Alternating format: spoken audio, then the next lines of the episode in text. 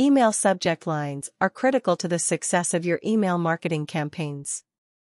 They're the first thing your subscribers see and can make the difference between your email being opened or ignored.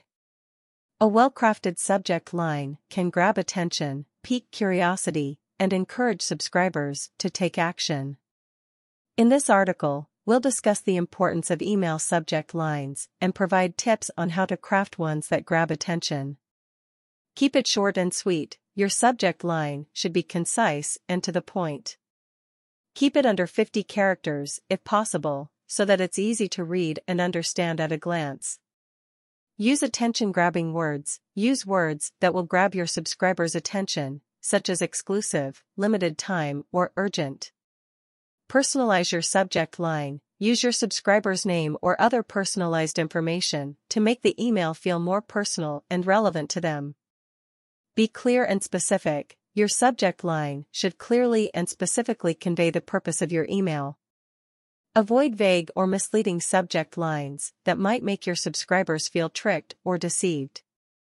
Use numbers or lists, including numbers or lists in your subject line can make it more enticing and easy to digest. For example, 5 tips for improving your productivity. Use humor or wit, if appropriate for your brand and audience, using humor or wit in your subject line can make it stand out and be more memorable. Test and optimize, test different subject lines and track the results to see which ones perform best.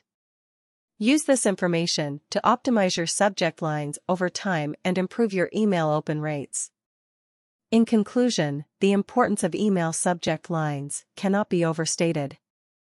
They're the first impression your subscribers will have of your email, and a well-crafted subject line can make all the difference in whether they decide to open it or not.